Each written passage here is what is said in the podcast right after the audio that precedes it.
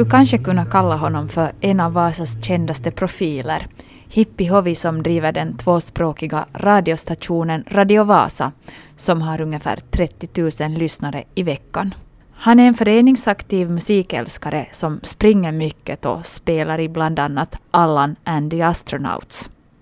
Han har också ett förflutet i Viktor Hurmi och Fetknopparna som säkert många av er känner till. Samtal om livet blir det alltså idag tillsammans med Hippihovi och jag heter Anki Westergård.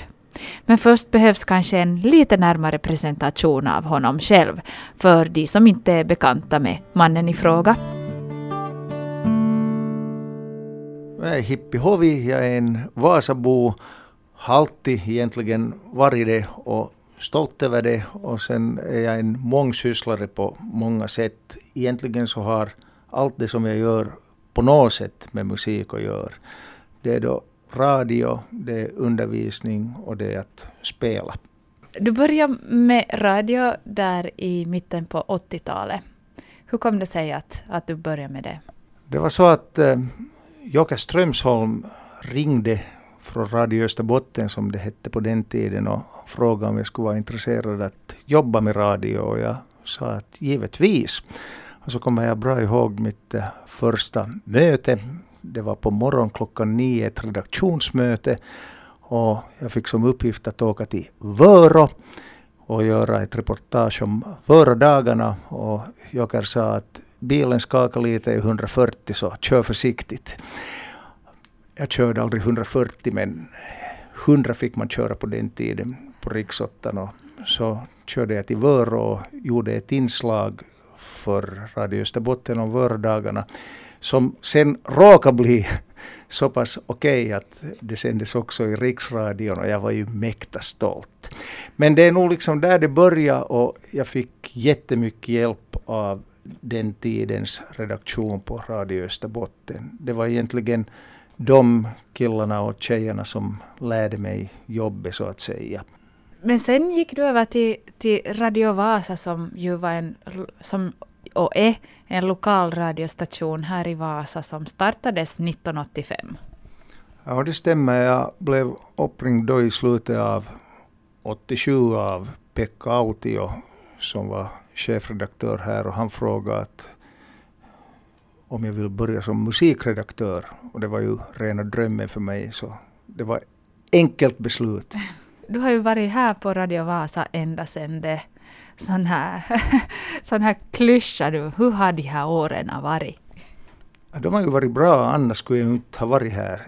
Jag skulle ha haft möjlighet att byta flera gånger om. Alltså, så jag har ju medvetet valt att dels stanna och 2000 blev vi företagare så vi tog över stationen så att nu finns det ju lite mindre spelrum ifall man trivs som företagare och det trivs jag som.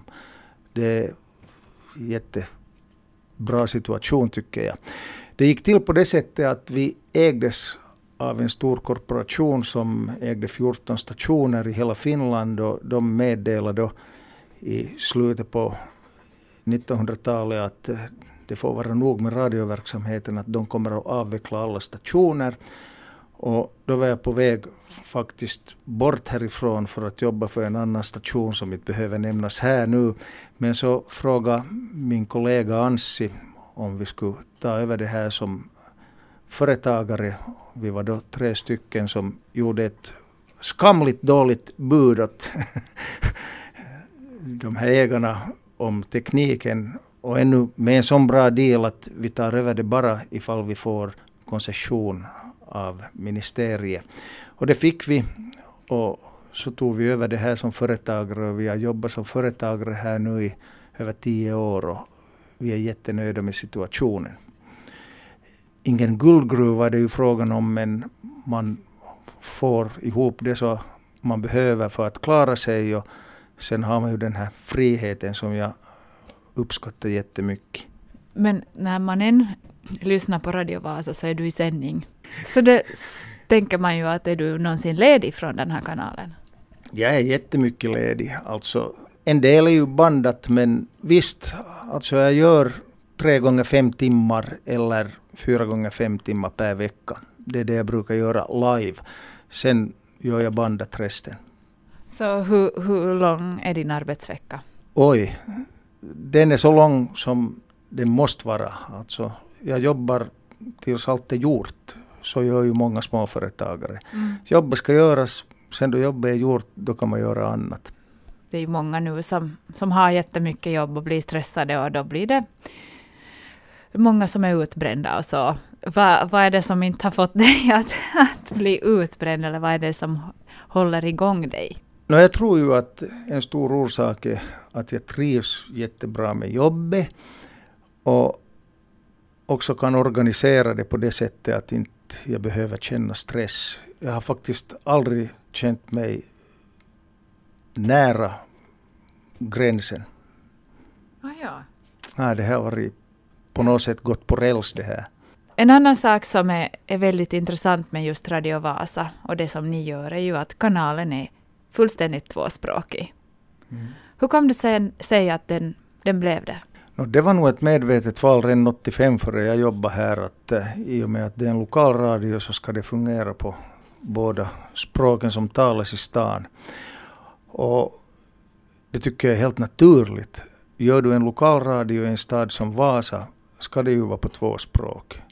Jag är ju förundrad över att inte det finns mera av sådana här stationer i och med att vi har ju också andra tvåspråkiga städer. Är Radio Vasa den enda uh, radiokanalen som är fullständigt tvåspråkig i Finland? Ja, den är den enda tvåspråkiga kanalen. vi kan glömma det där fullständigt. Ja, det är den enda tvåspråkiga kanalen. Inte pratar ju någon annan kanal tvåspråk om vartannat. Och det har ju förstås också svagheter. Det har mycket styrkor men också många svagheter. Som till exempel? Nå, om du inte behärskar finska så har du ju svårt med att man pratar finska här och förstås andra vägen också. Om inte behärskar svenska så är det ju jobbigt att lyssna. Och det här får man ju respons på dagligen egentligen. Det var dit jag tänkte komma, för jag är väldigt nyfiken just på att, att hur, hur lyssnarna, mm, vad de tycker om att det är tvåspråkigt. Men alltså du säger att dagligen är det någon som tycker att det inte ska vara tvåspråkigt. Kritik är väl fel mm. att prata om, men vi får respons på att ni skulle kunna prata mer svenska. Vi får också feedback på att vi skulle kunna glömma den där svenskan och börja prata bara finska och prata mera finska. Och det är då båda alltså grupperna som ger den här feedbacken. Men vi försöker ju hålla det här nu på en någorlunda jämn nivå och har lyckats egentligen okej. Okay. Nu finns det ju alltid också alternativ. Alltså det finns ju kanaler som sänder enbart på svenska som hörs här. Det finns kanaler som sänder enbart på finska som hörs här. Men på något sätt så ska du vara en lokalradio så måste du göra det tycker jag på två språk i den här stan. Jag kan inte tänka mig att man skulle göra det på ett, något annat sätt. Det finns ju folk då som tror att man provocerar då man pratar ett annat språk, men det är det ju inte frågan om. Det är ju i sista hand frågan om också business eftersom det finns företagare som vänder sig till båda språkgruppen som gör reklam hos oss. Och de vill ju att det ska göras på båda språken eftersom båda språkgrupperna är viktiga för dem. Men det är väl kanske lite så att de, den trogna lyssnarskara ni har, så de hör ju inte av sig och säger att det här är bra att det är på båda språken. Jo visst, det får vi ju också. Jo, jo, jättemycket feedback av människor som är då tvåspråkiga eller som är då enspråkiga men ändå behärskar det andra språket så att de kan följa med. De tycker ju framförallt att det är bra att Vasa stad har en sån här lokalradio. De flesta, ändå vågar jag påstå, delar nog den uppfattningen att i och med att man lever i en tvåspråkig stad så ska det vara på båda mm. språken. Mm. Så visst, vi får nog mera positiv feedback för det än vi får negativ feedback för det. För er är det ju ett natur, så naturligt att jobba liksom på båda språken. Hur tror du att man skulle kunna få det in den här naturligheten lite mer i samhället? För det, till exempel svenska språket, om vi tar vår, vårt modersmål, så det har ju varit ganska sådär hårt åtsatt nu senare tid. Ja, det är ju just det här med naturlighet som jag tror är nyckelordet. Mm. Alltså, är det en naturlig omgivning för båda språken så då tycker jag ju att man naturligt använder dem och vågar använda båda språken. Och tar då den risken att det alltid finns folk som lämnar utanför. För det är ju precis så vi gör. Alltså, vi vänder ryggen till enspråkigt svenska och enspråkigt finska lyssnare. Det gör vi ju i och med att vi använder båda språken. Men vi ser ändå liksom fördelarna så stora med det så det skulle finnas någon annan väg tycker vi. Och hur man då kan i övriga samhället fungera på det här sättet har jag inget svar på men jag tror att det kräver på ett sätt mera mod. Det skulle hjälpa. Ja. På vilket sätt har ni blivit uppmärksammade eller fått erkännande för att ni är en tvåspråkig radiokanal? No, vi har ju fått eh, vissa sådana här pris och plakat bland annat då av Folktinget men det som räknas är ju lyssnarresponsen. Det är ju ändå det som är A och O. Och det är ju enda egentligen som betyder någonting. Festtal och plakat så känns ju bra förstås men det är ju inte därför vi gör det. Hur unik är den här tvåspråkiga kanalen liksom, om man ser från ett lite större perspektiv i Europa? Det har jag ingen aning om, men i Finland så börjar den här typen av stationer vara ett utdöende fenomen. Då jag började jobba för lokalradion 88 så fanns det kring 50 stationer som gjorde lokalradio. Nu för tiden så är vi under 10.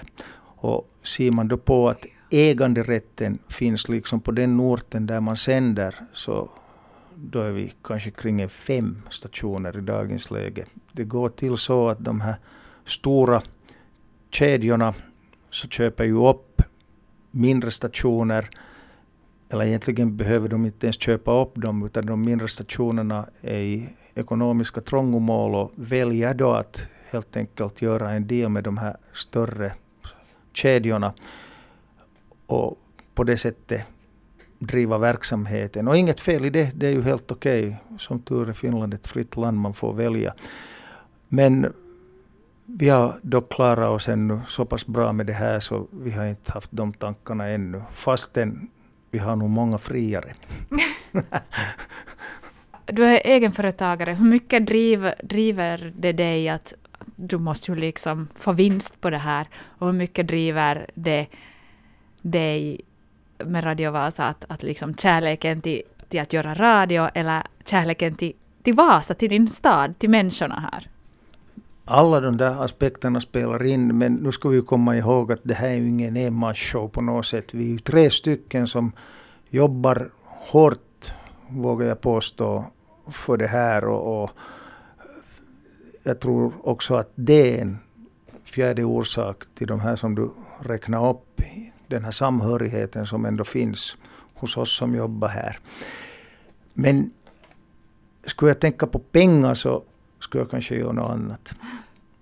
Men det är ganska häftigt, tre stycken som driver en radiostation. Mm. Ja. Det kan vara många gånger gnistor och sånt men det har ändå gått bra. Vi skulle inte vara ihop så här länge om vi skulle ha oöverkomliga problem. Ni har ett, ett lyckligt äktenskap. No, om man vill uttrycka det så, så ja. Hur var din barndom, sådär i korta drag? Ja, den var, så som jag upplever den, lycklig och det hände mycket. Och den var lycklig mycket på grund av det att eh, man fick vara barn. Mm -hmm. Man behövde inte spela några roller. Jag är ju ändå född 59 så på 60-talet fick ett barn ännu vara barn. Jag är inte så säker på att det är lika lätt i dagens läge. Så jag har egentligen bara fina minnen från min barndom. Min syrra som jag var inne på här lite tidigare kanske inte har lika ljusa minnen på grund av att jag och lillbrorsan hade ganska mycket skilda åsikter om saker och ting som tog sig uttryck i många maktkamper. Jag funderar bara nu när vi var inne på musiken. Du har ju också spelat i olika band. Och nu så, så är jag lite nyfiken på det här med Viktor Hurmio och Fetknopparna. Som ju kanske no, ganska många ändå känner till. Hur började det? Ja, för det första så kom det ju ganska sent. Jag har ju varit i olika band före det också, är fortfarande.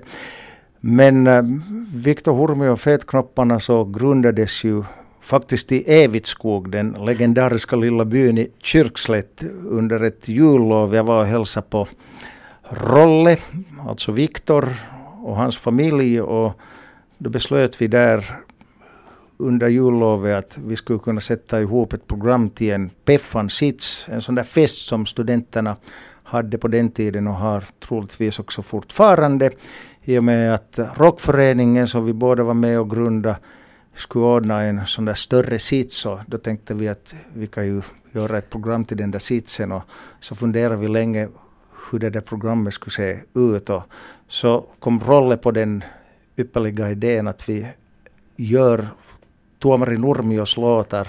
Därifrån kom det där namnet Viktor Hurmio. Och I och med att eh, vi behövde ett bra namn åt bandet också så tog vi Fetknopparna. Det är ju en blomma. Ja. ja, för vi var ju magra killar på den tiden. och sen gjorde vi den där spelningen som då fick jättebra mottagande. Förstås, det var ju våra coverin som var i publiken. Och sen fick vi då erbjudande att spela lite på andra tillställningar och tänkte att inte kan vi börja spela något Tuomari Nurmio covers på de tillställningarna utan vi började göra lite egna låtar och på den vägen är det. Sen blev det väl ett uppträdande på SOU Rock som egentligen nitade den där framgången. Men vi höll ju inte på så riktigt länge, några år, sen var det över. Vi pratar ju tidigt 80-tal nu va? Ja det gör vi ja. Och som mest aktivt var det just där kring 83-84. Ja, men det finns faktiskt videon på Youtube. ja. ja, det är okej. Okay. Gå in på Youtube och kolla om ni är intresserade. Alltså då, just i början på 80-talet, så ni var ju det största bandet i Svenskfinland. Ja, hur konstigt det än kan låta nu då man ser tillbaka på det så var det väl nog så, åtminstone då det gällde alltså spelningar och publik på spelningar. Och det blev ju definitivt bekräftat då Österbottniska Posten i ett nummer hade en topplista där Heavy, tror jag låten var, av Viktor Hurmi och Fetknopparna toppade listan före jättemånga storheter som Rolling Stones och Bruce Springsteen. Och då tänkte vi att man kommer inte längre men sen kom nästa nummer och då fanns det en Victor Hurmio pappersdocka, en sån där klippdocka. Och det är ju ett definitivt bevis på att man är stor i Svenskfinland. då kan man definitivt sluta när man är sådär på topp. Ni har gjort några sådana här reunion-spelningar ändå efteråt? Ja, vi har ju alltså fortfarande kontakt på det sättet att äh, Rolle, alltså Viktor då, den fredagen som är närmast Viktors namnsdag i mars sammankallar alla fetknoppar till sig. Och sen har vi då en sån här mindre fest varje år och så funderar vi på lite erbjudanden som har kommit och brukar göra några av dem. Jag tror att vi spelade sist på en 40-årsfest i Helsingfors. Det är sist vi har spelat, men det börjar vara några år sedan nu. Så det börjar vara kanske dags.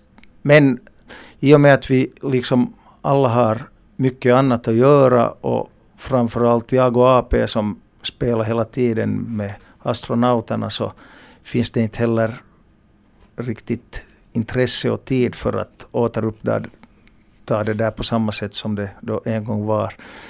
Men lite små kejkor någon gång kan man ju tänka sig. Jag tror att vi har spelat under de senaste tio åren kanske en fyra spelningar. Men nu ja, Allan and the Astronauts, hur ofta spelar du med dem? Oj, vi brukar göra en 50 spelningar per år. Sådär 40 till 50 kanske beroende på.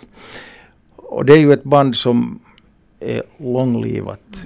Jag och Allan började spela år 1980, AP kom med 82, Joe lite senare. Men mer eller mindre har vi spelat i samma sammansättning nu i 30 år. Och det börjar ju vara ganska länge. Mm. Och det känns ju fortfarande jättekiva. Och det är orsaken varför vi spelar. Alltså folk undrar ju att hur kan ni spela så där mycket ännu, att ni har ju en massa annat och, och sånt. Så brukar jag svara då att nu finns det folk som fiskar 50 dagar i året, för att inte prata om sådana som slår en golfboll. Det kan ju vara 100 dagar om året på en bana och spela golf. Då kan vi ju vara 50 gånger eller 40 gånger eller något sånt och spela för publik. Men ni spelar i hela Svenskfinland? Ja, inte bara Svenskfinland. Nu spelar vi ju förstås också mm. i helt finska trakter och också lite Sverige och sånt. Fast eh, det är ganska länge sedan vi har varit i Sverige nu. Det är ju främst kejkorna man kommer ihåg. Eller kommer man ihåg? Ja, ja, givetvis kommer man ihåg dem. Det är ju konstigt att fast jag normalt har ganska dåligt minne tycker jag själv så de här keikkafunderingarna, oberoende av band så kommer jag av någon konstig anledning ganska bra ihåg. Jag kommer till och med ihåg hur man kör till vissa sådana här keikkaplatser och hur de ser ut. Och jag var och hälsade på min goda vän Tom Nyman som jag spelade med äh, här under 70 och 80-talet. Han har flyttat ut dit till landskommunen nära Borgå. Så körde jag förbi Jackarby, stod det på en skylt. Och då jag kom fram till Tompa och frågade att visst vi spelade i Jackarby? Så jag, ja men hur kan du komma ihåg det? Så sa jag att jag vet inte, någon på 70-talet visst. Ja, då var det. Jag kommer ihåg också hur kåken ser ut. Nu när vi har pratat här om dig så du är väldigt sådär gått på räls och, och, du är väldigt positiv till, till allting, till och med att jobba så hårt som du gör och så där. Finns det något sådant, någon tid i ditt liv som har varit hårt? Nej, egentligen inte så som jag nu kommer ihåg det. Det kan ju hända att jag förtränger sånt i och med att jag har dåligt minne som jag sa.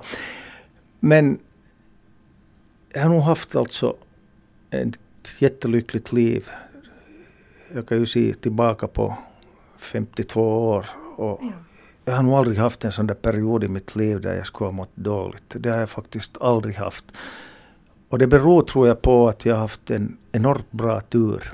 Det beror inte på mig tror jag tror att det beror på liksom att jag har haft turen att träffa människor som jag på något sätt har fått liksom det här stödet av som varje människa behöver i sitt liv.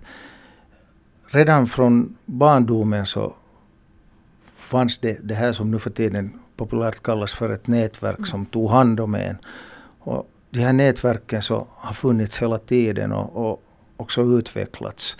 Men det är ju klart att i och med att jag har barn så nu finns det ju saker och ting som man funderar på som inte man är nöjd med. Men till och med tror jag det har gått bra i deras liv.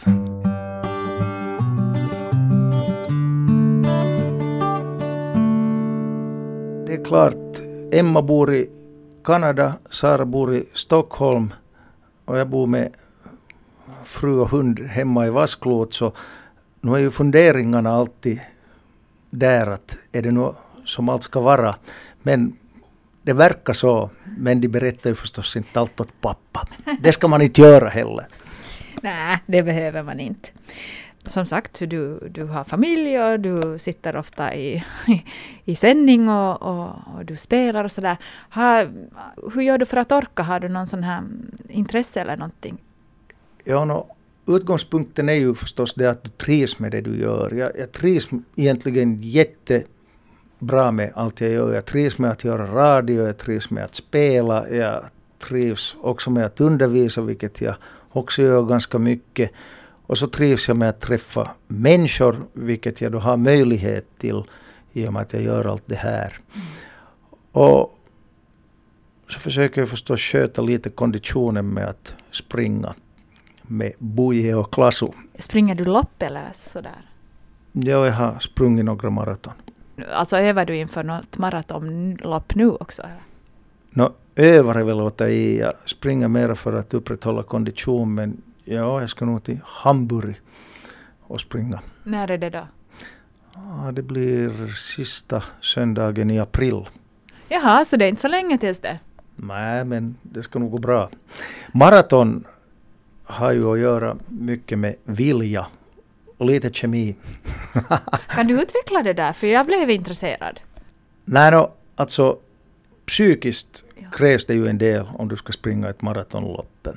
Det här med kemi så kom jag in på på grund av att jag en gång fått kramp. Det var då jag sprang i Aten. Och den krampen berodde på saltbrist. Så har man liksom koll på det där vad man sätter i sig före och under loppet. Så det är det jag syftar på med kemin. Men, men nu får jag en till sak in i ditt liv som du ändå måste ägna ganska mycket tid åt. För inte får man ju bara sådär och springer ett maratonlopp. Man måste ju nog lägga eh, ner lite timmar på det också, att öva inför ett maratonlopp. Hur ofta springer du? No, vi brukar springa tre till fyra gånger i veckan men inte det där är ju något konstigt. Det finns ju de som går på gymmet varje dag. Så det, det är ju bara ett normalt sätt att sköta sin kondition. Och sen kan man ju liksom belöna sig själv med ett maratonlopp, en resa med pojkarna. Det är ju aldrig fel. Men för att kasta in ytterligare en ingrediens i den här som, som är en del av ditt liv, så du, du är ju och har varit väldigt föreningsaktiv. Vad för slags föreningar är det som du har brunnit för? Har jag kommit in i den här föreningsverksamheten mycket på grund av det som jag sysslar med. Den första föreningen som jag kommer att tänka på är rockföreningen vid Peffan som vi då grundade som fortfarande lever och mår bra som mm. har fungerat redan i 25 års tid. Och det är ju en förening som man är stolt över. Men sen har jag ju varit med nu i lite andra föreningar också. Bland annat Företagarföreningen här i Österbotten i sex år. Jag får inte vara med längre i styrelsen. Sex år är liksom gränsen, vilket ju är bra. Så att det kommer nytt blod. Det gav mig också jättemycket. Och sen finns det Pressklubben som jag har varit aktiv i. Som också är en intressant förening på många, många sätt. Och för tillfället så har jag försökt lite banta ner det här men av en tillfällighet så sitter jag med i musik och talangprojektets styrelse som ordförande och det är också ett projekt som jag tycker att jag bara måste vara med i. Kan jag liksom göra någonting för att skapa förutsättningar för finlandssvensk populärmusik så det är klart jag ställer upp. Vad är det som fascinerar med det här föreningslivet då? No, nu är det förstås målet med föreningens verksamhet till en del, men inte sticker jag under stol med det heller att det är ju många nya bekantskaper och nätverksbildande som också är viktigt där. Jag upplever att man eh, utvecklas som människa själv då man träffar olika människor.